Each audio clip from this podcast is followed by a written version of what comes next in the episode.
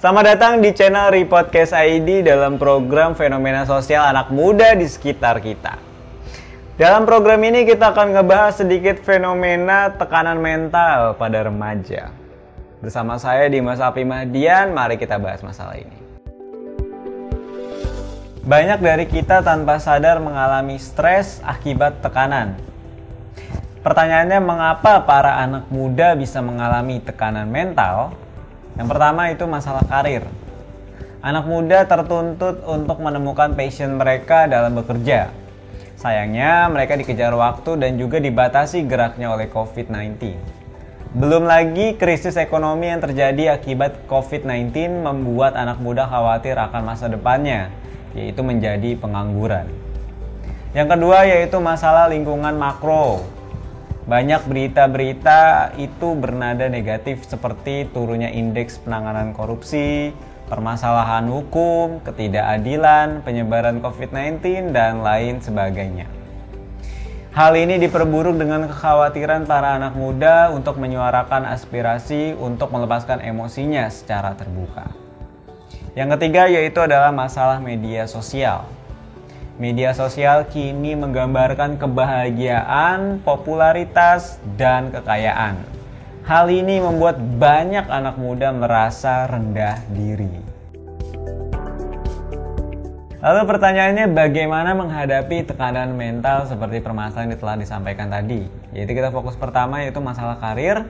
Caranya adalah dihadapi dengan membangun tangga harapan. Buat dari pekerjaan yang sederhana dengan tujuan mencari pengalaman kerja dan portofolio. Lalu kecapaian yang lebih menengah seperti promosi atau berpindah ke pekerjaan yang sesuai dengan passion. Dan bisa lebih tinggi lagi seperti membuka perusahaan sendiri. Perlu diingat, jangan menarget awal perjalanan karir dengan terlalu tinggi seperti membangun perusahaan sendiri, padahal skill, modal, dan jaringan saja belum ada. Buat target karir berjenjang seperti tangga sehingga mudah ditapaki. Dan jangan dibuat terjal seperti tebing, di mana resiko jatuh dari tebing sangatlah tinggi.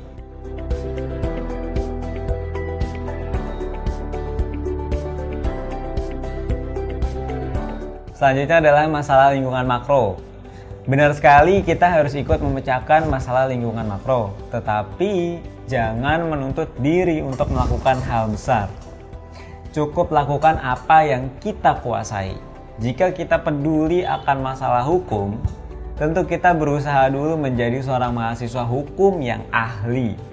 Ahli bukan harus menjadi mahasiswa terbaik, tetapi menguasai seluk-beluk pekerjaan sebagai seorang ahli hukum.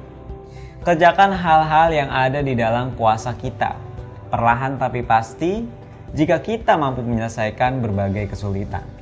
Derajat kita akan ditingkatkan dan insya Allah kelak kita akan bisa menghadapi masalah tingkat negara. Kemudian bagaimana cara menghadapi masalah media sosial? Jangan gunakan standar hidup yang digambarkan di media sosial.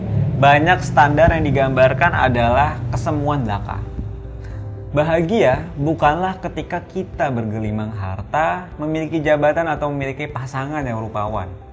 Bahagia adalah ketika kita hidup dengan bersahaja, dihormati masyarakat karena kontribusi kita, serta memiliki pasangan yang berakhlak mulia. Semua itu akan memberikan kebahagiaan jika diiringi oleh rasa syukur memiliki semua hal itu. Harta, jabatan, dan pasangan hanya alat yang bisa membuat kita bahagia. Walaupun kita memiliki semua itu, tapi kita tidak bersyukur, kita tidak akan pernah bahagia. Maka jangan kaget banyak dari artis-artis yang mengakhiri hidup mereka walau mereka bergelimang harta, dipuja-puja, dan memiliki pasangan yang rupawan. Dan selanjutnya ini masih banyak masalah-masalah yang bakal kita bahas tentunya nggak di episode kali ini, jadi nantikan di episode berikutnya. Terima kasih sudah menonton dan mendengarkan program Citizen 4.0. Bagi kalian semua yang suka dengan program Citizen 4.0, silakan like, komen, dan subscribe di channel YouTube Reaksi Indonesia.